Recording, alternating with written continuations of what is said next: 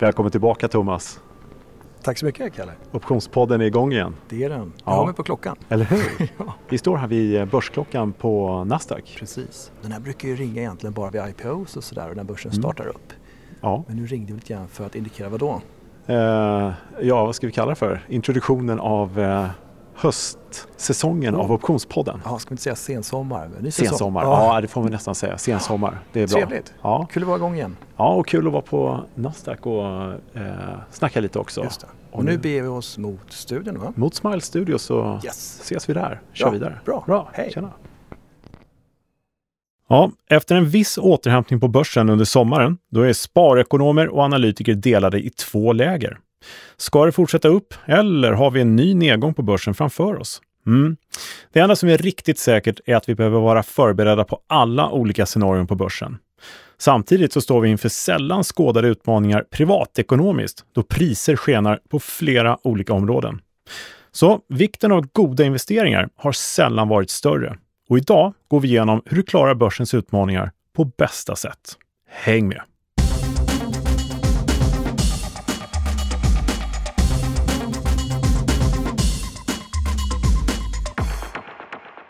Ja, välkomna tillbaka till Optionspodden. Mm, det här är podden som ger kunskaper som ingen privat eller professionell investerare på börsen bör vara utan.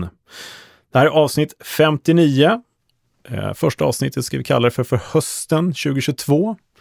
Det har varit ett litet uppehåll som sagt här och mitt framför mig, precis som vanligt, ungefär som vi aldrig har lämnat Smile Studios, står du Ja, som heter Thomas Bernholm. fortfarande. Ja, Jobbar på Nasdaq. fortfarande. Ja, ja. låter välbekant. Det är skönt att vissa saker inte ändras. Just det. Sådär, emellanåt. Och hur är det med Kalle då? Det är bra med Kalle. Mm. Eh, laddad för en bra höst, Mm. laddad för bra investeringar. Men lite, ja, orolig ska jag inte säga, men jag är lite beredd på eh, olika scenarion, Mm. om jag får uttrycka mig så. Det ska man ju alltid vara, men nu finns det lite, lite, lite extra, tycker jag, att eh, fokusera på Ja, faktiskt. Mm. Och tittar vi tillbaka ett halvår lite drygt så har det hänt oerhört mycket. Ja, Scenen har förändrats totalt. ja, det kan man verkligen säga. Faktiskt. Så absolut, det. Ja, för ett halvår sedan fanns inget krig i Europa. Då var alla spekulationer, eller var alla i spekulativa termer undrade om nej, det kan inte bli ett krig och Nej, så. Sen bara small det. Mm. Mm, usch. Och Så- denna inflation som har tilltagit Mm. under tid här också. Ja, men Så det- precis. Och eh, vi kan börja med att säga det direkt att vi har ju gjort en hel del eh, genomgång av massor av fin feedback eh, till podden. Mm. Eller Eh. du har gjort rättare sagt. Ja. Framförallt du. Ja, men du, har ju varit, du är alltid med på Ja, det. lite grann. Ja. Och vi har ju även vårt eh, initiativ, va? eh, NDA, Nasdaq Derivatives Academy. Sa vi en mun. Jäklar vad töntigt det ja. är. Kör om då, så att du kan ta den en gång själv. Nasdaq Derivatives Academy. Precis. Mm. Med tre kurser, varav du har en där. Ja, precis. Eh, och där är det en ansenlig mängd eh, kursdeltagare nu ju. Eh, Superkul. som har, eh, väldigt många som har tillkommit under sommaren här också. Mm. Kan du Och- avslöja någon siffra? Ja, det är många, många, många hundra kan Kul. jag säga i alla fall. Mm. Och ehm, det är ju eh, om feedback alltså helt enkelt väldigt tydligt att det är en oro där ute, eller en förberedelse ska jag säga, för eh, höstens Mm. utmaningar. Eh, vi ska gå in på det här lite närmare under liksom själva temat idag, Mm. hur vi kan göra vilka utmaningar vi står inför. Men jag skulle säga att intresset för att lära sig om optioner eller få alternativ till sina aktieinvesteringar är större än någonsin. Kul. Ja, det är lite kul och Verkligen. väldigt, eh, ska jag säga, eh, bra framförhållning till Mm. de som faktiskt eh, investerar där ute Mm. och söka sig till nya kunskaper. Mm. Och då är de, har de kommit rätt, kan jag Mm. väl säga. Eller hur? Och det Mm. du säger här också är att du försöker ändra på den lite eller Mm. styra in det på sådana här saker så att man Ja. möter dessa önskemål på ett bättre sätt? Eller? Precis. Eh, vi ska justera lite efter önskemål. Det är så. Podden är ingenting utan ens lyssnare. Vi kommer fortsätta med våra optionsstrategier. Vi kommer fortsätta med optionspratet och volatiliteter. Men vi ska även fokusera på vår underliggande marknad Lite mer? lite mer. Mm. Eh, aktiemarknaden. Hur gör du för att handla liksom en bra aktie? Hur väljer du en aktie? Hur gör du med din portfölj? Och sådär. Och vi ska börja med att ta det idag så man kan lämna det här poddavsnittet med förhoppningsvis lite inspiration till att eh, komma igång i höst Mm. på bästa möjliga sätt. Man skrapar lite på ytan nu. Mm. Ja, men ta lite kunskaperna från professionella fondförvaltargolvet och tradinggolvet och lappa Mm. ihop det där till lite grunder som man kan ta med sig. Ja. Så det om det. Eh, Vad har du mer att säga här i inledningen då? Ja, eh, förutom att vi kommer gå in mer på aktiehandeln så kommer vi prata mycket mer om psykologi, Mm. för det styr ju väldigt mycket generellt sett, men ännu mer nu, helt klart. Eh, när oron tilltar, när volatiliteten stiger och allt det här, då är det mycket mer som går på instinkt. Det är inte alltid bra tänk vi har. Det gäller mig och dig och alla, så det är ingen som behöver känna sig utpekad. speciellt du va? Ja, det är, oftast ja, det är därför jag är så duktig på det här. Förlåt. så vi tänker liksom på Ja. eh, fel sätt ibland när vi ska investera. Japp. Och helt naturligt, Mm. men det kan vara bra att ha koll på. Ja, där känner man igen, absolut. Ja, Mm. så att eh, vi kommer, vi kommer tillbaka till det här om vad som händer. Vi har en utmanande höst, det är val i USA, inflation och räntor Ukraina, Kina mot USA, den får man inte glömma, som håller på att liksom, bubbla upp här också. Mm. Men eh, innan vi kommer in där ska vi kolla lite hur börsen mår nu då, helt enkelt. Bara i Mm. all enkelhet. Ja, Våra jag tänker när termer. vi pratar inflation och räntor och sånt där, Mm. får du många frågor kring det annars? Liksom. Det kommer mycket frågor om just den biten. Mm. Eh, det är ju den perfekta stormen lite grann. Det är högre räntor, det är dyrare priser i el och mat och det är svårt egentligen privatekonomiskt. Mm. Så är det ju. Och räntor är en, en sån ja, men faktor som många liksom undrar över. Hur ska, hur ska det bli där? Mm. Vi har hittat en expert också som vi kanske kan få in här i podden framöver, kommande avsnitt. En cliffhanger här. Ja, lite Mm. cliffhanger ja. Mm. Så att eh, lite om gästerna framöver kommer bli, eh, ja men kanske lite bredare spann också och intressant att lyssna till. Ska blanda in optioner i allt i en härlig, perfekt optimal blandning. Är det många som säger vadå då? Nu då? Ja, vad då då? Vadå? Rå? Ro? Räntan? Är han från Göteborg? det var inte meningen. Sitter Pontus och Albin, två stycken tekniker och undrar vad... på riktigt, vi har inte pratat med någonting egentligen om råd. Det kanske är liksom man ska också belysa, hur räntan påverkar optionspremien och sånt där. Eh, ja, Mm. kanske det. Ja, när den väl stiger kanske lite mer, Ja. så blir det alltid ta upp. Ska vi kolla börsen då? Ja, Hur den mår. Bra. Då går vi dit. Mm. Jaha, Kalle, hur ser det då ut på börsen? Hur är läget? Ja, men läget är bra på börsen faktiskt. Det är det? Eh, faktiskt. Mm. Det är återhämtningstider. Så pass att eh, det duggar tätare i artikelfloran på, ja, på internet, bland tidningarna om att ta hem vinsten faktiskt, har jag sett. Eh, det finns ju då två läger, som vi sa i Mm. lilla ingressen här. Den ena sidan tycker att ja, men det här kommer sluta uppåt. Liksom. Det är bra för börsen. Eh, rapporterna som kom här var liksom starka, ovanligt, eller oväntat starka ska jag säga. Och det indikerar en massa bra saker så vi ska fortsätta uppåt. Sen har vi självklart den andra halvan som är tydligt uppdelad i två halvor. Den andra halvan säger eh, nej men vi ska vara försiktiga och det finns Mm. så mycket oroa oss för och det ska gå ner. Mm. Så ja, det är lite hugget som stucket vad man själv tror och vilken sida man står på här. Det finns liksom ingenting, vi vet ju inte vad som händer imorgon, eller hur? Vi kan konstatera dock att börsen har återhämtat sig under sommaren. Eh, och från juli och fram till idag faktiskt tror jag vi har eh, en ny, ska säga, toppnotering från sen början av juni, Mm. någonstans där. Eh, så att börsen har hämtat sig rejält, eh, 15 procent någonting där från botten. Och det är bra, eh, det känns ju tryggt och sådär. Och det kan ju psykologiskt också vagga in oss i en viss eh, osäkerhet. Eh, faktiskt. Eller ska jag säga, vagga in oss i osäkerhet. I en säkerhet som blir osäker. Hur Mm. ska jag uttrycka mig? Ja, jag förstår. Du fattar? Ja, Alla förstår. fattar, fast Mm. jag inte kan prata. eh, men kollar vi på risknivån, VIX-index, så hade vi ju sist vi pratades vid en VIX-index en bit över 30, Just det. vilket då är en, en nivå när man gärna tittar efter andra investeringsprylar Ja. eh, prylar än aktier. Och det var där i mitten av juni ungefär. Ja, Mm. eh, precis. Nu har VIX sedan dess trendat rakt neråt faktiskt, i takt med att börsen går upp, vilket är ju naturligt, så brukar det vara. Mm. Och VIX ligger nu runt 20-strecket, 20,23 om man vill vara exakt, sist vi mätte här. Så att enligt VIX-index och risknivån på börsen, riskpremien at the money är attraktiv just nu. Den är fullt naturlig, eh, indikerar att det finns en fullt god vilja att ta risk i aktier. Eh, och det märker vi ju. Mm. Börsen tickar på uppåt. Så so far so good. Men bakom kulisserna, bakom de här liksom siffrorna där vi är trygga och har återhämtning, så tittar vi bland annat på SKEW-index. SKEW-index, hur mycket betalar man för skydd på nedsidan? Dit det kan bralla ner så att säga. Och vad har hänt där? Ja, sen vi skildes åt i början på sommaren så var VIX, eller förlåt, SKEW-index på eh, de lägsta nivåerna vi har sett på 15 månader. Sen har det legat och harvat där och det pratar nivån kring 120, vilket i SKEW-index är en fullt normal nivå. Det är liksom ingen större oro. Man, man liksom handlar då som professionell förvaltare där borta eh, den hedge man behöver på mm. nedsidan, som man standardiserat ska ha. Men det som har hänt nu sista veckorna här, eh, ska säga från mitten av juli kanske, lite senare och fram till nu, första veckan i augusti, eller första två veckorna i augusti, så har det blivit dyrare på nedsidan. Man betalar mer. Det har blivit högre efterfrågan på skydd på nedsidan och SKEW-index stiger. Också lite naturligt, det går upp och den här sentimentet då, ena halvan säger att nej men var eh, försiktiga och ta hem din vinst och sådär. Mm. Det brukar ändå bli självuppfyllande efter ett tag. Oj, nu har det gått upp, nu är det bäst vi säkrar lite, så vi köper vi lite mer nedsidesskydd. Men det här är, skulle jag säga, på en sån brant nivå. Det har gått skrivindexet på 130-ish, 129-130, vilket är ganska dyrt faktiskt. Så det finns en oro där ute att det här inte kommer hålla närmaste investeringsperiod. Mm. Återstår att se.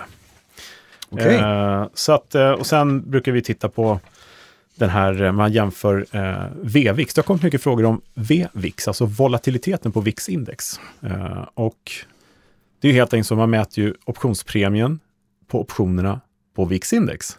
det blir lite så här, eh, man får hålla tungan rätt i munnen när man säger det. Men de har varit osedvanligt billiga, den premien på VIX-index, eh, optionerna där. Jag tror det är 30 månaders lägsta Eh, för 30 månader? 30 månaders ja. lägsta. Eh, mer än två år alltså. Eh, på eh, optionspriset på VIX-optioner. Eh, sen har det hänt lite grejer där också. Det har blivit lite dyrare. Mm. Det har blivit alltså ett skutt uppåt. Eh, man börjar köpa på sig premium där nere. behöver inte betyda att man är orolig. Det kan också betyda att man spekulerar i att den här låga nivån ska studsa tillbaka lite. Men när du jämför med SKEW-index och de nivåerna på at the money out of the money och sen VIX-optionernas premium, lägger ihop det, då får du en orosbild som jag tycker är ganska tydlig. Mm. Att nu skyddar vi oss för eventuella nedgångar. Yeah. Titta på ration här, eh, som vi tittar på VIX mot just VIX, VVIX-index. Som vi pratade om vid 6-7 så brukar det bli självuppfyllande att marknaden ska korrigeras. Den har varit väldigt låg mm. eh, under året eftersom vi har en bekräftad nedgång i år. Den har studsat upp, eh, ska vi säga, ja, 35-40 procent i alla fall. Från 3, någonstans 3,5 till har varit uppe på ja, men, nära 5. Och nu ligger den på 4,3. Det här är bara massa siffror, det är ju bara massa statistik. Men man kan säga att sammantaget så visar det här att det finns en oro där ute, helt klart. Och det finns en förberedelse på att det blir ett bakslag. Blir det så eller inte vet vi inte, men förberedelsen är klar och tydlig. Ja. Punkt slut.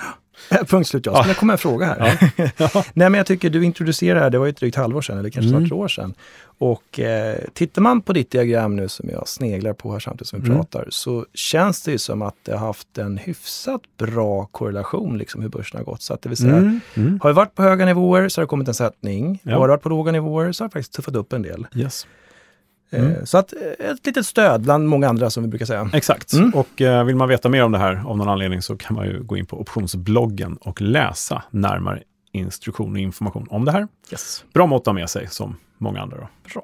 Ska vi lämna den biten ja, och titta på våra instrument? Ja, eh, här har vi en fiol som jag ska spela ja, på. Precis. Ja. Eh, nej men eh, OMX S30, vårt eget index, brukar ganska ofta följa övriga världen, övriga marknaden som VIX-index. Då. Eh, nu har vi en implicit volatilitet på 18,5 mm. på eh, OMX-index. Och det är ju ungefär lite lägre. Det har ständigt varit lite lägre risk på svenska börsen än vad det är i övriga eh, Europa, världen, USA. Då. Så eh, edgen här som vi brukar prata om, en historisk volatilitet har rört sig lite mer, 21 procent. Så vi har liksom en negativ edge i, på index. Det betyder då helt enkelt att marknaden sätter ner risken på index i närtid. Och det här kommer en bra fråga om det här, därför att baserar man det här på at the money-optioner på index? Och ja, det gör man ju. Det här är liksom precis där det handlas, på den nivån på index vi är på nu, de lösenpriserna. Går vi ner då, som vi brukar prata om med SKEW, då blir det någonting annat. Mm. Så att även om det här är en edge, man drar ner risken via at the money, så säger det ingenting om hur oroliga vi är. Mm. Vilka optioner vi handlar på nedsidan, det är någonting annat. Så det gäller att kolla koll på båda. Då. Men sammantaget så är risken låg på vårt index på vår börs. Och vi har stabila aktier, vi har haft bra rapporter och allt det här. Och just nu ser det väldigt lugnt och fint och städat ut av idag. Mm. Um, och, ja. Sen är det såklart intressant att se också när saker och ting får sitt genomslag, kanske när tiden går här senare höst och så vidare. Mm. får man se hur, hur rapporter kommer komma in. Just om, om folk får sämre ställt och så vidare. Mm. Konsumtion minskar. Alla bolag drabbas ju såklart inte, mm. men, men det skulle vara verkligen spännande att se nästa rapportperiod också. Ja. Sen eh, för de egna innehaven man har. Eh, vi, man, ja, vi lägger ut den här på bloggen förstås, mm. eh, volatilitetsrapporten. Eh, man kan gå in och se sin edge i sitt eget papper och så vidare. Och eh, vi ska också försöka lägga ut lite vad man kan göra om det är ja, men, högre implicit volatilitet än index eller om den är edgen är hög och sånt där. Mm. Man, hur man kan tänka, en covered call eller om man ska sälja en putt eller mm. beroende på vad man har för marknadstro också. Bra. Så vi ska bygga på saker och ting och ge ännu mer idéer och sådär. Och är det någonting man önskar, då kan man bara skicka in en fråga till podden eller en, ett mejl till podden. Eller på Twitter eller någonting sånt där. Just. Så att eh, svenska marknaden, lugn och fin, men oro i underliggande. Punkt. Slut, ja. höll jag på Men eh, ska vi från marknaden gå in till lilla temat och se liksom hur vi ska klara av den här perfekta stormen som är analkan eller som kanske redan är här. Mm. eller vad säger du? Ja, eh, det tycker vi gör. Ja, men då gör vi det. Vi hoppar mm. in på det. Ja. Bra. Ja, Kalle, huvudtemat för mm. dagen. Ja, så här. Eh, vi har en perfekt storm, det är många som har sagt, i den svenska ekonomin som också drabbar vår privatekonomi. Optionspodden, det handlar liksom om möjligheterna till att optimera våra affärer på börsen, eller hur? Mm. Med eh, calls och puts och kombinera dem och sådär strategier. Det har vi pratat om några avsnitt, eller hur?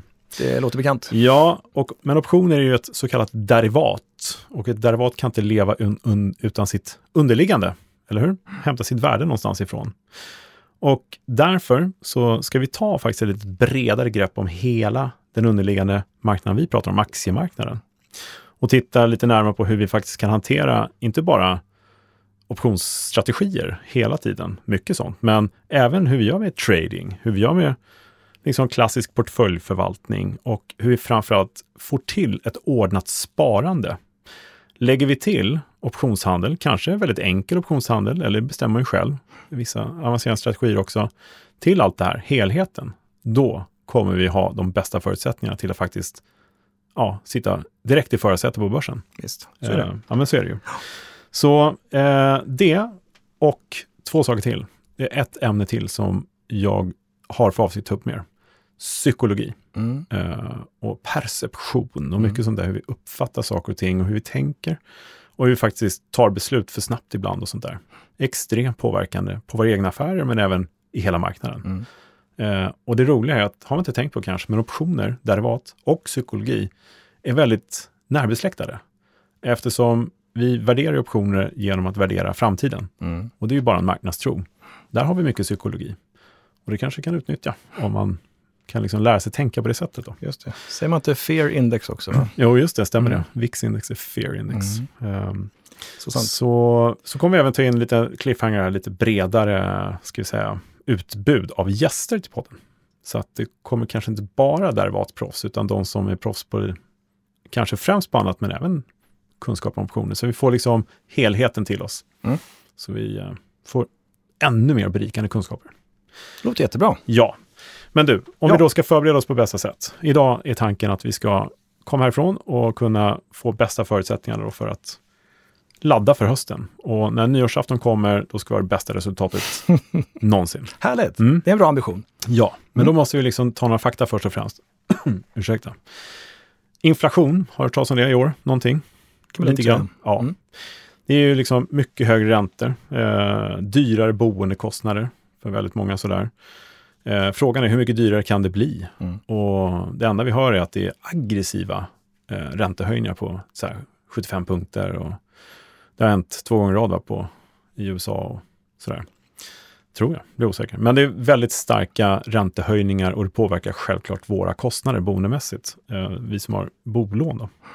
Drivmedel, mm, bensin och diesel. För de som har sådana fordon som drivs av det så blir det ju väldigt mycket dyrare plötsligt att färdas, speciellt de som måste och är beroende av bil. Och vi pratar om på landsbygden kanske, så måste, alltså i jobbet eller sådär. Exakt. Det blir dyrt. Ja, och elbilarna ja. kommer inte heller klara sig. Utan det är Nej, el och så vidare, så precis. Det är ju nästa grej, energipriserna. Ja. Eh, skenande elpriser, det är kanske det värsta av allt. Eh, förra vintern var det väl, då var det ju typ dyrt med el. Jäkligt dyrt. Och det blev en chock för många, så dyrt så att vi fick bidrag för att klara av det. Just det. Nu ska det bli dubbelt så dyrt den här vintern, säger de. Mm. Det är bara håll i hatten, mm. ungefär. Eh, och speciellt om du är boende i villa, då, ja, vad ska göra avkall på då? Någonting måste du ju mm. kanske ändra på då. Och sist men inte minst, det som drabbar oss alla över hela linjen, matpriser, som en direkt följd säger man av energi eller drivmedelspriser och så här. Eh, enorm prishöjning. Mm. Gurka kostar 50 spänn, allvarligt talat. Är det sant? Ja, om du importerad ekogurka. Ja. ja. Så att eh, här har vi liksom faktiskt förutsättningar för att det ska bli tuffare ekonomiskt för oss alla. Eh, vi måste börja med att tänka efter privatekonomiskt, hur vi liksom ska klara av en vargavinter. Det är inte säkert det blir så här illa. Absolut, man ska inte liksom måla något på väggen sådär, men det är bra att vara förberedd. Och här har det då tydligt i feedbacken som vi har fått, både till eh, Derivatives Academy och till podden, varit att behovet av att sparandet, investeringarna på börsen ska gå bra, är ju plötsligt jätteviktigt. Mm. Kan vi få en extra inkomst via börsen så är ju det varmt välkommet. Nej men precis, jo, mm. allting blir dyrare som du säger. Det mm. finns egentligen ingenting som klarar sig nästan känns det som. Och det blir också så att folk kanske avsätter mindre i sitt månadssparande, sin pensionsavsättning och allting. Mm. Och det är klart att det drabbar ju investeringarna, det vill säga mm. aktier och sånt. Får inte lika många köpare så det kan ju såklart trycka ner till slut. Ja, Speciellt om man då ska konkurrera med höga elpriser och annat. Ja. Absolut. Så det blir svårt, mm. från, från jättesvårt till supersvårt. Exakt. Och det var det som jag antydde också lite grann, mm. vilka företag som kommer då drabbas mer av en, sänk, eller sjunkande köpkraft hos konsumenter och sånt mm. och sådana saker. Det, det. det återstår att se lite grann. Det lär visa sig ju ja. i rapporter framöver. Precis. Mm. Men eh, så mer än någonsin behöver vi ett ordnat sparande faktiskt. Och eh, alla som gör sin hemläxa nu eh, inför hösten och sådär kommer ju med ganska hög säkerhet klara sig bättre än mm. de som bara chansar, så att säga, eller inte gör någonting. Så det är en väl investerad liten timme med sig själv och eh, sätta sina parametrar och ramar. Ja, så det ska vi tipsa lite grann om nu.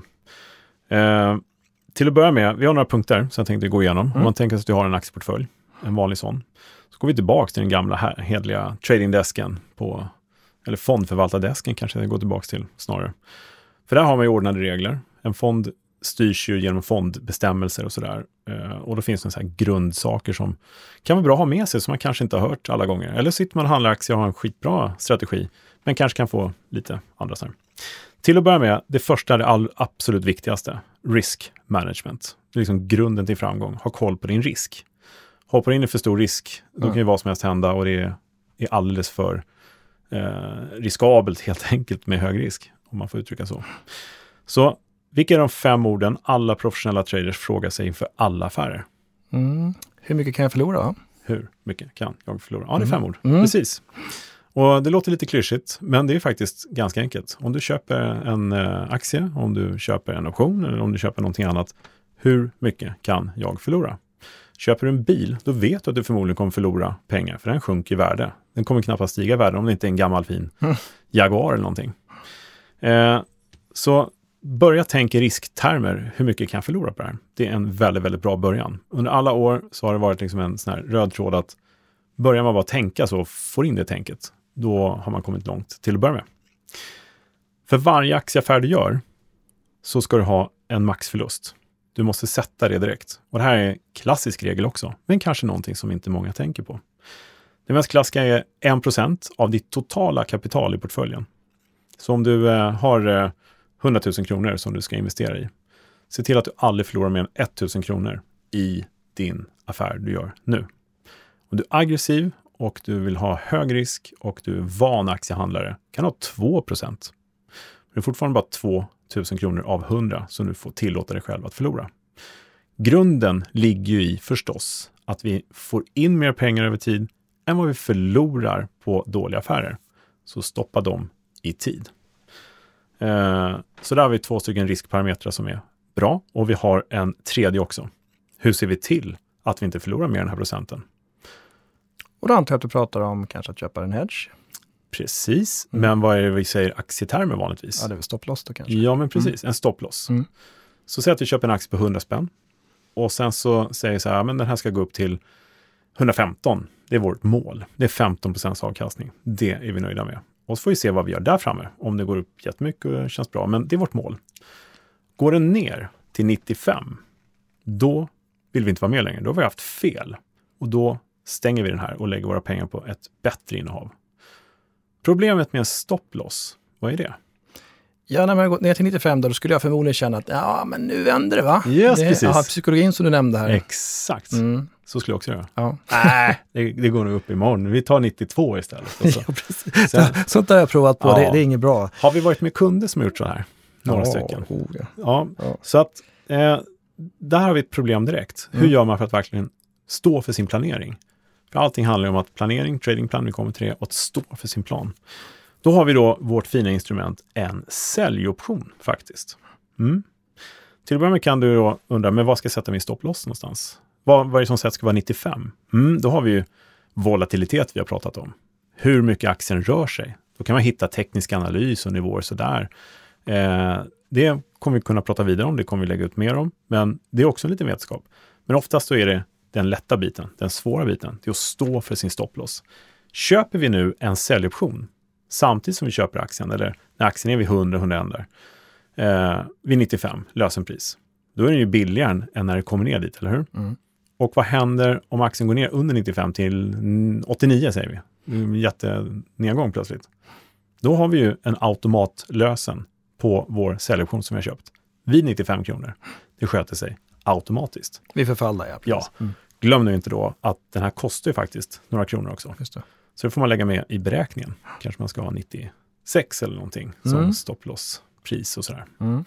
Men eh, egentligen handlar det om att har man fel ska man ur affären och fortsätta till nästa affär. Och det här ska man ha klart för sig. Så det här är grundläggande risk management. Det finns ju enormt många parametrar att prata om här, men det här är de topp tre. Så hur mycket kan jag förlora? Det är det. Du ska inte förlora då, nummer två, mer än din maxförlust som du har satt och det är 1 procent är rekommenderat, liksom standard, per din totala portföljvärde. Och nummer tre, sätt din stopploss. Jaha, och det var första punkten va, Kalle? Ja, vad, kom, vad kommer till sen då? Nej, men helt enkelt eh, din portföljförvaltning, mm. portfolio management och sen då som vi har tjatat om massa gånger, trading plan. Just det. Eh, och nu ska vi inte dra det här i långbänk, utan vi ska ta det bara Yes. Eh, så man kan liksom få med sig några punkter och eh, liksom, eh, jobba med och sätta sina liksom, egna parametrar på. Ja, man får sätta sin egen prägel efter. Ja, ja. Mm. och en vanlig grej när man handlar aktier i en portfölj sådär, och man ska liksom få en ordnad eh, förvaltning framåt, det är vilken storlek på positionen ska jag ha. Mm. Och då tänker många, nej men jag köper 100 aktier, 500 aktier eller 1000 aktier beroende mm. på vad den kostar. Mm. Och det är väl bra. Men det har ju ingenting att göra med egentligen hur det kommer bli jämfört med det kapital du har. Därför att om du ska ha en procent av ditt totala kapital som du vill riskera, mm. säg tusen spänn under 100 000, då är det ju den summan som ska styra antal aktier. Det är ointressant om du har det finns en psykologisk effekt bland, här, ofta i börsrummen på skolorna, så här, att man vill ha 100 miljoner aktier som kostar ett öre. Får jag upp till 100 miljoner spänn, då kommer jag bli rätt rik. Är det sannolikt? Nej, det är inte det. Mm. Men det blir så att man köper aktier i förhållande till volym istället för värde på innehavet. Och det man kan göra om man har eh, aktier i sin portfölj, vilket jag antar att man har, mm. så kan man räkna ut nu faktiskt om man har liksom det här 1%-målet klart eller om det förmodligen är lite större. Om jag känner dig rätt så har du säkert en formel på det här? Eller? Ja, ja, det är jätteavancerat. Mm. Nej, men helt enkelt, eh, du får ju ta då helt enkelt din eh, nivån på din stopploss, det vill säga att köpkursen du har köpt aktierna till, mm. eh, minus din stopplusskurs. Så mm. du köper 100 och din stopplusskurs är 95, mm. så blir det 5 spänn, eller hur? Tar det gånger antalet aktier, så hur många du nu har köpt, så att det är 1000, då är det 5000 aktier, eller hur? Eller 5000 och så tar du det delat med ditt totala tradingkapital. Då kommer du få ut en procentuell siffra och där så har du svaret. Mm. Är det över 1% justera. Är det mindre än 1 ja, bra, då kan du ha lite mer. Och det är väl såklart beroende på vilken riskprofil man har. Men du har 1% ja. som ett riktvärde. Ja, precis. Är det lite vedertaget i tradingmiljö? Ja, eller? det är lite ja. vedertaget i ja. lite förvaltningsmiljö. Eh, jag tror att de flesta som, om du går in och kollar på eh, Avanza Nordnet och liknande, vad man ska ha, så står det säkerligen där, ganska mm. övertygad. Det är en sån här privatekonomisk eller eh, risk. Eh, natur. Bra. Ja, då får man fram det på ett bra sätt. Då, ja visst, och eh, sen kan man räkna lite olika på vilken risk man vill ha förstås och det är upp till var och en. Mm. Och där kommer vi lägga ut lite mer också om framöver här i våra medier. Men eh, positionsstorlek, ganska mycket större vikt än vad man tror. Sen nästa grej, hur många innehav ska man ha i en portfölj? Eh, någon jag var i kontakt med hade, eh, tror jag, 450 innehav. Eh, mm. olika storlekar. En stor portfölj förstås. Mm. Kan man hålla koll på så många? Nej. Om man nu är van och man eh, håller på väldigt mycket med olika bolag och så här, då är det ju förstås bra, för de har ju koll redan. Men för den som kanske inte har tänkt så mycket på det, så ska jag säga att sex innehav, fem, sex innehav och gärna ett par storbolag som är likvida och redan tjänar pengar är det bästa för den som är kanske ganska ny in i den här eh, aktievärlden. Eller även för den som varit med ett tag men kanske inte haft så mycket ordning och känner att det går inte att ha koll på alla mina aktier. Många köper väldigt mycket billiga småbolag och sådär och hoppas på att de ska sticka iväg. Lite lottsedlar sådär. Ja, lite så. Mm. Eh, om man ökar sin aktivitet lite grann, då kan man ta upp till tio bolag. Och här tycker vi då att ta några storbolag där det finns en ordnad optionshandel så kan du göra bra mycket mer underverk med dina innehav förstås. Exakt. För att inte prata om indexoptioner. Jag hoppades att du skulle säga ja, det. Ja, eller hur? Mm. Men sen även de, eh, det finns ju de som har bra handel, bra aktivitet, eh, bra fart i, i liksom mycket tid ner till sin eh, förvaltning mm. som kanske ligger på 12 till 15 innehav. Så där någonstans. Många fler än så, det går liksom inte riktigt att ha koll på. Nej, Sen Nej. finns det de som verkligen kanske då har mm. bra koll och har många aktier. Så där. Vi har mm. haft någon gäst här som hade 60-70 stycken. Och så där. Ja, men ja, så det, det, det, är ju helt och hållet in till vilken mm. inriktning man har. Här är mm. lite mer aktiv handel. Det är mm. lite mer att vi vill åstadkomma ett bra resultat. Vi ska använda våra optioner. Eh, självklart går det bra om man tror på massor av olika bolag av olika anledningar. Och man har tid när man har koll. Ja, mm. just det. Precis. Och buds budskapet är en viss spridning förstås. ja, här pratar vi om portföljförvaltning. Yes. Mm. Eh, sen kan vi lägga pensionsportföljen någon annanstans med fler innehav och så här förstås. Mm. Eh, tidsramar är väldigt bra. Vad är du för sorts handlare? Är du en daytrader? Swing trader? Är du en positionstrader? Eller är du en långsiktig trader? Där får du definiera för dig själv. Eh, daytrading är förstås det svåraste. Det kräver väldigt mycket tid och eh, bra koll på marknaden förstås. Eh, Sen vara lite mer långsiktig i grunden är väl kanske allra bästa eftersom börsen över tid går faktiskt upp. Och här har vi också mycket möjligheter att kunna eh, ja, men smörja vår portfölj över tid med våra derivatkontrakt, optionskontrakt också. Men välj din tidsram och justera din plan därefter så att det rimmar, om du fattar. Liksom. Sådär. Eh, många som sitter med eh, eh lite fel tidsramar helt enkelt. Och så när man ska komma in och handla optioner, då kan det bli lite knas. Därför då blir det bråttom eh, plötsligt och det är man inte van vid. Ja. Många som, du vet den klassiken, man köper en köpoption, lägger den i sin portfölj och väntar. Mm. Det är inget bra. Hoppas på det bästa. Mm, det är inget bra, för man dör efter ett tag. Ja, eh, entry, exit. När går du in? När går du ut? Vilka signaler tittar du på då? Mm. och här pratar du inte en stopploss, här pratar du egentligen om vad du mm. baserar din analys på. Ja, liksom. ja. precis. Här när ska jag sälja? När har gått upp mm. så mycket? Ja, Exakt, så du har klara mål. Mm. Eh, sen kan ju världen ändras runt omkring, men kolla, håll koll på sådana saker som volatilitet, väldigt enkelt egentligen. Vad har hänt med den? Eh, och så vidare. Eh, så är det hävstång eh, i det här som du är ute efter. Det finns något som heter risk-reward ratio. Det betyder att eh, om du investerar 100 spänn i en köpoption och får tillbaka 300, då har du en väldigt bra risk-reward ratio. Mm. Vilken ratio vill du ha minst? Sådär. Och under, över vilken tid? Nu är vi inne på lite överkurs, men för den som är noggrann så kan man ju sitta och titta lite grann på det. Mm. Eh, två saker till. Simulera. Om man är osäker på kommer det här gå bra, så simulera innan, testa. Vad händer om det går upp och 2% Vad händer om det går ner 2 eh, Vill man ändå in i marknaden, men är osäker, ta en mindre positioner om man tänkt mycket mindre. Släpp på risken. Och sen, sist men inte minst i alla affärer, utvärdera och skriv ner, behöver inte sitta flera timmar och analysera, men när du gått ur en affär och det gick bra, Eh, då brukar många släppa det och gå vidare. Mm. Nej, utvärdera, skriv ner. Varför gick det bra? Mm. Vad gjorde jag rätt? Det där är jätteviktigt. Mm. Eh, jag menar, man ser tillbaka till sin egen eh, handel och sådär. Och det var många saker man gjorde fel, många saker man gjorde bra. Mm. Man sa, jag ska skriva ner det här, så gjorde man inte riktigt det. Nej. Då glömmer man av det där. Ja, det är jättelätt att glömma. Och de här lärdomarna, de är så mm. viktiga och så värdefulla. Så det är verkligen mm. ett bra tips du kommer med där. Ja, men faktiskt. Och även förstås utvärdera om det går dåligt också naturligtvis. Ja, men absolut. Lite mer naturligt ja. kanske. Sådär. Och, och det kanske är det som är nästan ännu viktigare. Liksom. Ja. Vad gjorde jag för fel här? Mm, mm, Precis.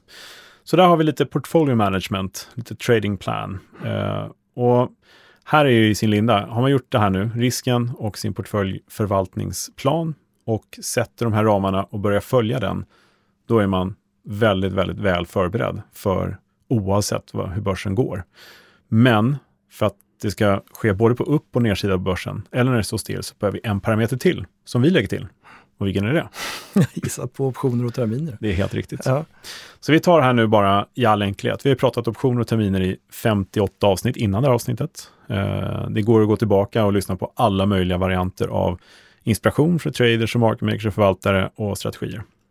Men här tar vi fem stycken snabba som du kan lägga in i din portfölj i all enkelhet. Till mm. den som kanske aldrig handlat optioner förut. Lyssna på podden men tänk att nej, men jag har inte riktigt kommit igång. Så kan vi ta några stycken. Till att börja med, ja men nu tror jag på lite uppgång. Eh, planera ett aktieköp. Det brukar man göra. Eller man sitter, som precis har sagt då, gör din analys och värdera och sådär. Men att sälja en säljoption är väl en ganska bra sätt att planera ett aktieköp. Säljer rätten till någon annan att sälja aktierna till dig. Mm. Eh, och då får du betalt en liten premie. Och den premien lägger du in i affären. Det betyder att du kan köpa aktier på börsen till en rabatt netto. Det blir faktiskt så. Under rätt förutsättningar förstås, då, att det kommer ner lite kanske. Då, så. Ja, precis. Ja. Och det där tycker jag är jättebra just också, man är lite osäker. Mm. Jag har pratat om det förr, men ska jag gå in nu? Har det, är det botten eh, här nu? Och sådär. Mm. Men man får ju en viss eh, buffert, om man ska säga, man får in en premie också. Liksom, så att Direkt, ja. Det blir förlåtande. Mm. Ja, det är det. Och, ja. eh, och det är samma risk som att redan äga aktien, kan man säga. Ja, att sälja en säljoption. Eh, sen nummer två då, som vi varit inne på, stop loss. Hur gör vi det med en eh, option? Jo, om vi köper då en aktie på 100 spänn, vi sätter stopplossen vid 95, det blir lite repetition här igen då. Mm. Men tar du verkligen den? Nej, du kanske gör det. Köp en putt då på 95-nivån, mm. beroende på vad den kostar. 96-nivån kanske, något sånt där. Och det kommer då hjälpa dig med en automatik. Du tar bort dina känslor, du tar bort psykologin i det hela. Du kan ligga och sova. Den här kommer lösas automatiskt ifall det går under 95. Just. Och du säljer din aktie där. Och så är du ute affären och så kan du planera vidare. Eh, Volatilitet är ju bra, eller hur? Vi har pratat om volatilitet ganska mycket i våra tidigare sändningar, avsnitt, eller hur? Och den implicita volatiliteten pratar vi om. Vi kan också räkna om den. Säg att det är 20% ungefär på index nu. Ja. Eh, vi säger att det är 16 för att det är enkelt. För tar du regel 16, delar med 16, det är ju ganska enkelt. Då får du i relativa termer, teoretiskt, den dagliga rörelsen på index, vilket är 1 Regel 16 visar hur många procent innehavet rör sig varje dag. I relativa termer, mm. väldigt hypotetiskt. Det här är över ett års tid per dag. Och det här har ju du pratat om tidigare i ett, ja, ett avsnitt här mm. bara för några gånger sedan. Ja, är 16 alltså. Absolut. Gått igenom utförligt. Så där uh, kan man gå tillbaka och lyssna. Ja, men det kan man ab absolut göra. Mm. Och det här hjälper till om man väljer nivåer och man kan få lite referenser som sagt. Jag tycker det är jättebra. Ja, det förklarar ungefär hur mycket det kan, eller förväntas röra mm. sig. Liksom. Så ja. ja, verkligen. Och även till sin portfölj kan man ju faktiskt, när man ska gå ur ett innehav, man närmar sig sin målsättning, kanske målkurs, target och sådär, mm. få mer betalt för en aktie eh, när man säljer den. Låter väl bra? Tänker på covered callen? Ja, ja, precis. Eh, finns ju en risk där förstås att aktien fortsätter, den går ner istället och sådär. Mm. Men där säljer du rätten till någon annan att eh, köpa din aktie. Och, eh, det får du betalt för. Det får du betalt för. Precis. Så det är definitivt någonting man ska titta på för de innehav som man ska byta ut. Eller någonting som kanske inte rör sig så bra, ligger stilla ännu bättre kanske, så man mm. kan få en extra kick där och så. Precis, mm. och där kan man ju såklart eh, anpassa då vilken option man väljer. Alltså ja. beroende på hur pass kvickt vill jag sälja, hur mycket vill jag mm. skydda och ja, man, det finns ju mycket man kan laborera med. Så det är en väldigt bra strategi som många använder sig av och gör en stor förtjänst på faktiskt. Mm. Få in premium den vägen. Ja. Eh, och sen då helt plötsligt, om vi ska ta en avancerad, jag ska hålla enkelt här, men om vi ska ta en spread, en strategi, mm. skulle jag vilja slå ett slag för kolspreaden. Mm. Och den låter ju tråkig om man inte kommer ihåg hur den funkar. Men vad är sannolikt med ett innehav? Säg nu att det är oroligt i höst. Säg nu att du har massa aktier som du tror på, men du vågar inte riktigt, riktigt gå in i dem. För tänk om det går ner. Exakt. Då kan man ju köpa en vanlig köpoption förstås. Det är ju bra. Men det kanske man tycker är dyrt, det är dyr premie och sådär. Ja, det kan ju vara hög, väldigt hög Ja. implicit volatilitet. och- Ja, och- precis. Och vad är sannolikt att, eh, alltså om man nu tror på en uppgång, är det sannolikt att det går upp 30% eller 5% Det är mer sannolikt att det går upp 5% kanske. Kan vi köpa en köpoption, men också sälja en kanske 5% högre upp och liksom låsa den rörelsen. Och säljer du en option mot en du har köpt, då får du ju pengar tillbaka, så. Då betalar du inte lika mycket. Du Exakt. betalar bra mycket mindre. Mm. Och har du rätt, ja då kommer du få dina 5 minus premien, den lilla som du har betalt. Och sen så har du en risk som inte är mer än det du har betalt i första början. Mm. Så det är väldigt populärt spread, väldigt enkelt. Det är bra riskkontroll och man är med i marknaden. Liksom. Mm. Väldigt fin procentuell avkastning vid en Ja. liten uppgång. Då. Otroligt fint. Ja. Och kan ta löptid på ja, men vanligtvis 60 dagar kanske, eller kortare till och med. Exakt. Ja, Om men du du tar vill. för långt nu, för då låser man in sig lite grann. Ja, Det är lite bättre så. att upprepa, repetera Mm. den här positionen. Ja, lite så. Då. Just det. Även en rapport är vanligt att folk gör också. Så att när man förväntar sig en rörelse så kan Mm. det räcka med några veckor också. Just det. Så där har vi lite krydda. Vi har risken, vi har portföljförvaltningen, vi har kryddan till vår portfölj med optioner eh, och ja, här har man ju då en bra grund i att komma in i hösten på bästa möjliga sätt. Sätta sig och göra den här hemläxan, gå igenom sina målsättningar, sin tradingplan, sätta de här parametrarna och kolla hur man kan krydda. Och sånt här är ju kul, eller Ja, hur? Sitta i Excel och på, trixa lite och sådär och kolla och laborera, simulera. Och, Ja, och kan man förena nytta med nöje så är det ju faktiskt som så att de som gör det här, de visar sig ju överlag lyckas mycket bättre också på börsen. Och det är det vi vill, Mm. såklart. Eh, Bra. sen så, ja, psykologi ska vi komma in på mer här framöver. Kill emotions står det ju i börspsykologins grundvalar. Eh, Ska man vara känslokall alltså, eller? Ja, precis som du och jag. Nej, det är inte vi. Nej, eller hur? Nej. Men eh, eh, kill emotions, det handlar ju om att eh, du vill ju liksom följa sannolikheter Mm. istället för att, Fulla känslor. ja, Ja. det brukar bli mer lönsamt. Så om vi summerar de här, ska summera det här på ett bra sätt, då är det så här att alla framgångsrika företag som du känner till i världen, de måste ju ha en extremt noggrann eh, plan. Och det är ingen skillnad för en trader eller aktiehandlare som vill bli framgångsrik. Det är samma sak. Om man inte redan har en plan för att definiera sin mål eh, och vad har jag skrivit? Om du inte har en plan för att definiera dina mål i aktiemarknaden så deltar du bara i slumpmässighet ja, Mm. och förlitar dig på tur. Och do you feel lucky? Då är det bara att köra på så. Ja. Annars så skapar du din plan. Ja, mycket dravel om eh, hur vi kan hantera vår portfölj, men förhoppningsvis lite... Dravel säger du. Det Ja. var ju bra grejer. Det är bra grejer. Ja, men förhoppningsvis. Ja. Eh, gör hemläxan, helt Mm. enkelt. Och vi återkommer om det här med i planen. Webbinarier, vi ska lägga upp bloggen, vi kommer prata mer om det här i podden, vi kommer bjuda in gäster. Så det här är bara en liten kick-off för en spännande höst. Just det. För- Förhoppningsvis en bra höst på Och nu har du ju introducerat en del strategier och sådär, men som Mm. vi har pratat om många gånger, det finns ju så många Ja. att titta och välja och, och verkligen fastna inte vid en strategi, utan Nej. gå vidare och undersöka och titta. Exakt. Mm. I grunden här kan man ju börja med de enkla, Ja. så man har kommit igång. Och många kanske nöjer sig med det, fine, men det finns ju som du säger så mycket bra saker man kan Mm. göra. Nej men vad jag förstår, din tanke här var ju också att den som handlar aktier idag eller eh, håller på, eh, börjat ganska nyligen kanske Mm. och sådär inte har någon plan och sånt, så, eh, kör ju fokus på det först och sen Mm. så kanske man plockar in någon option och sen så kan man gå vidare. Så att, precis. en liten byggsten. Ja, visst. Mm. Nej, men, eh, möjligheterna som finns tillgängliga är ju bra att känna till om inte Mm. annat. Då. Verkligen. Hör du, eh, ska vi gå vidare här i podden? Det tycker jag. Eh, Och då antar jag att vi kommer till avsnittet eh, frågor. Ja, det ramlar in frågor. Ska vi ta några sådana då? Ja, det gör Då vi. gör vi det. Mm. Jaha Kalle, du har fått in lite frågor säger jag och eh, jag kan ju faktiskt ta med friheten och eh, ställa frågorna till dig här då. Mm. Ja, I alla fall den första. bra. Då är det Alexander som har skickat in följande fråga. Ni pratar ofta om edge. Kan ni kort berätta hur jag bör tänka och varför det är bra att ha koll på den? Mm. Edgen, ja, den ingår ju i volatilitetsrapporten. Mm. Och det är helt enkelt skillnaden mellan den historiska volatiliteten, den vi känner till redan idag, vi tittar Mm. bakåt 30 dagar, Det som har hänt. det som har hänt ja. Och det kan vara säg 20 procent oavsett valfritt papper. Då. Och sen så har vi den implicita volatiliteten. Det är där det handlas just nu. I den siffran ligger en spekulationsgrad om framtiden, fram till kommande förfall då, vilket är kanske några veckor eller sådär. Och säg att den är 22 procent då, då har vi en positiv edge på två punkter. Mm. Det betyder att marknaden har höjt risken två procentenheter i volatilitetstermer i det här pappret. Så eh, det är edgen. Mm. Eh, och det är ju jättebra koll på om det papper man har enligt marknadens eh, mått har höjt risken.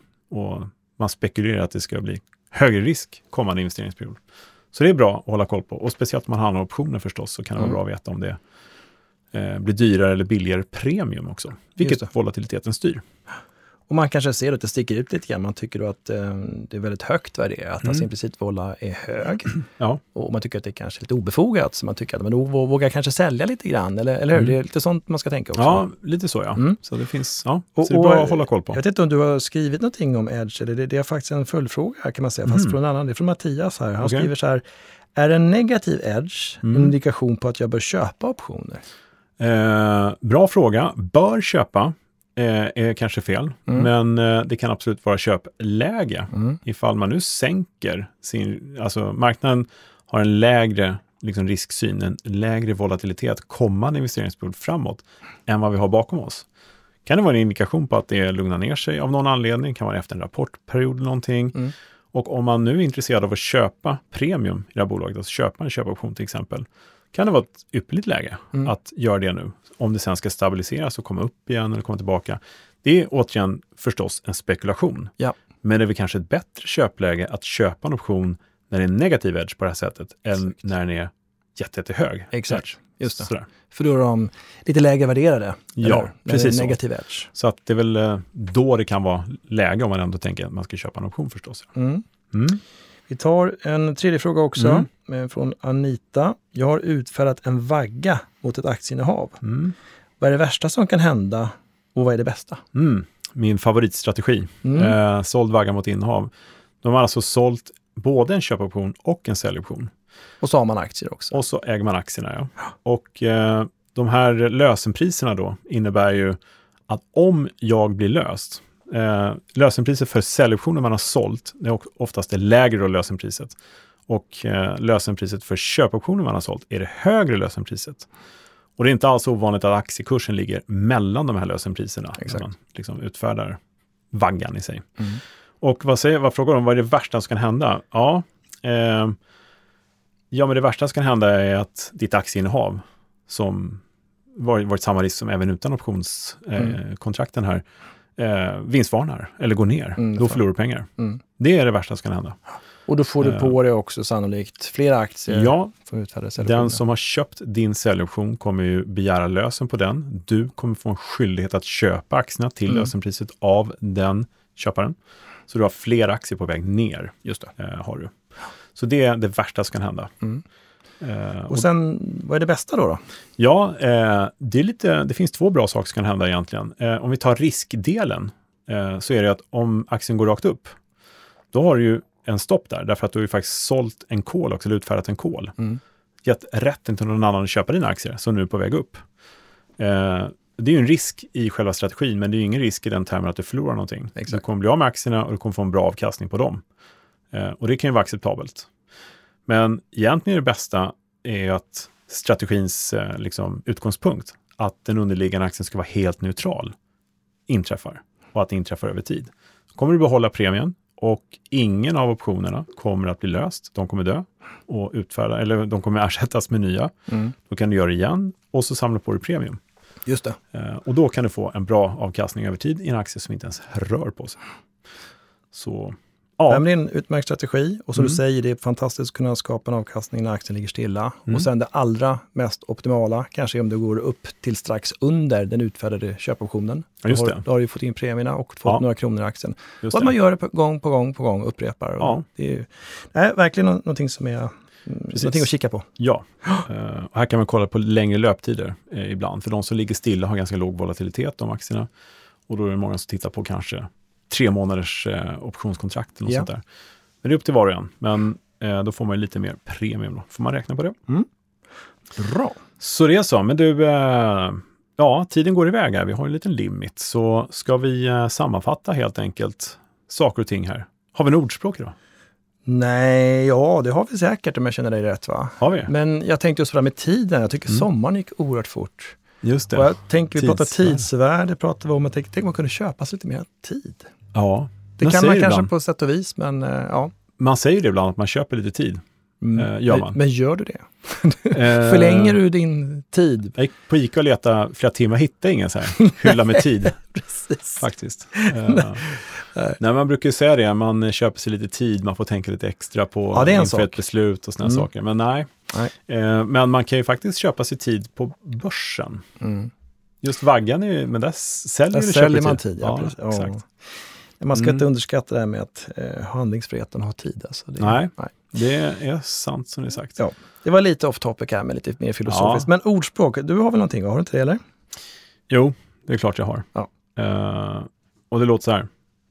Hemligheten bakom frihet är att utbilda folk, medan hemligheten bakom tyranni är att hålla dem i okunskap. Maximilian Robespierre.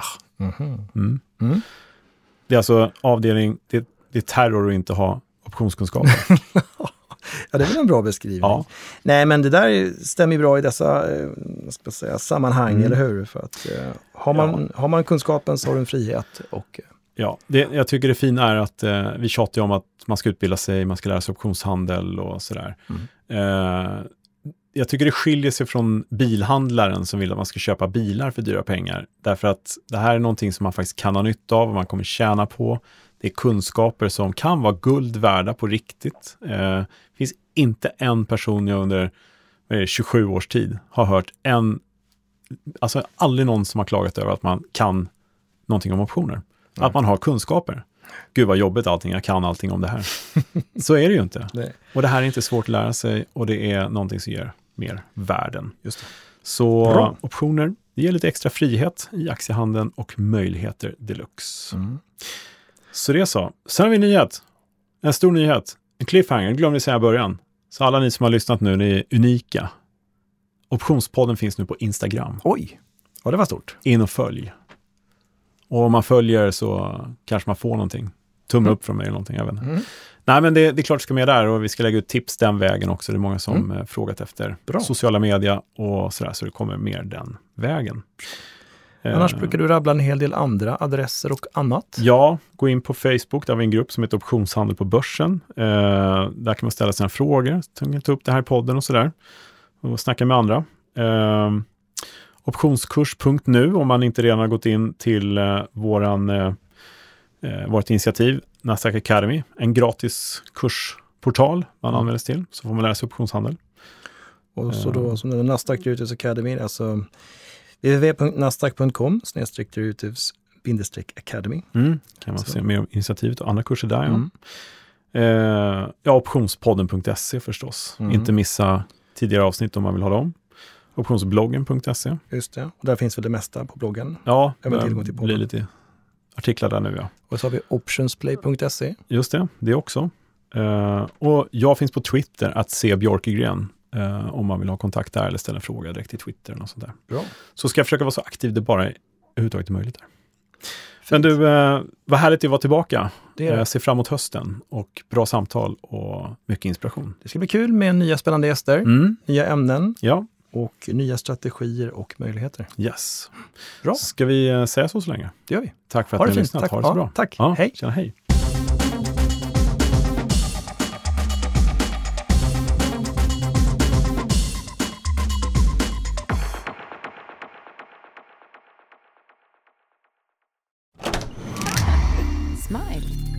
Den här podden spelas in hos Smile.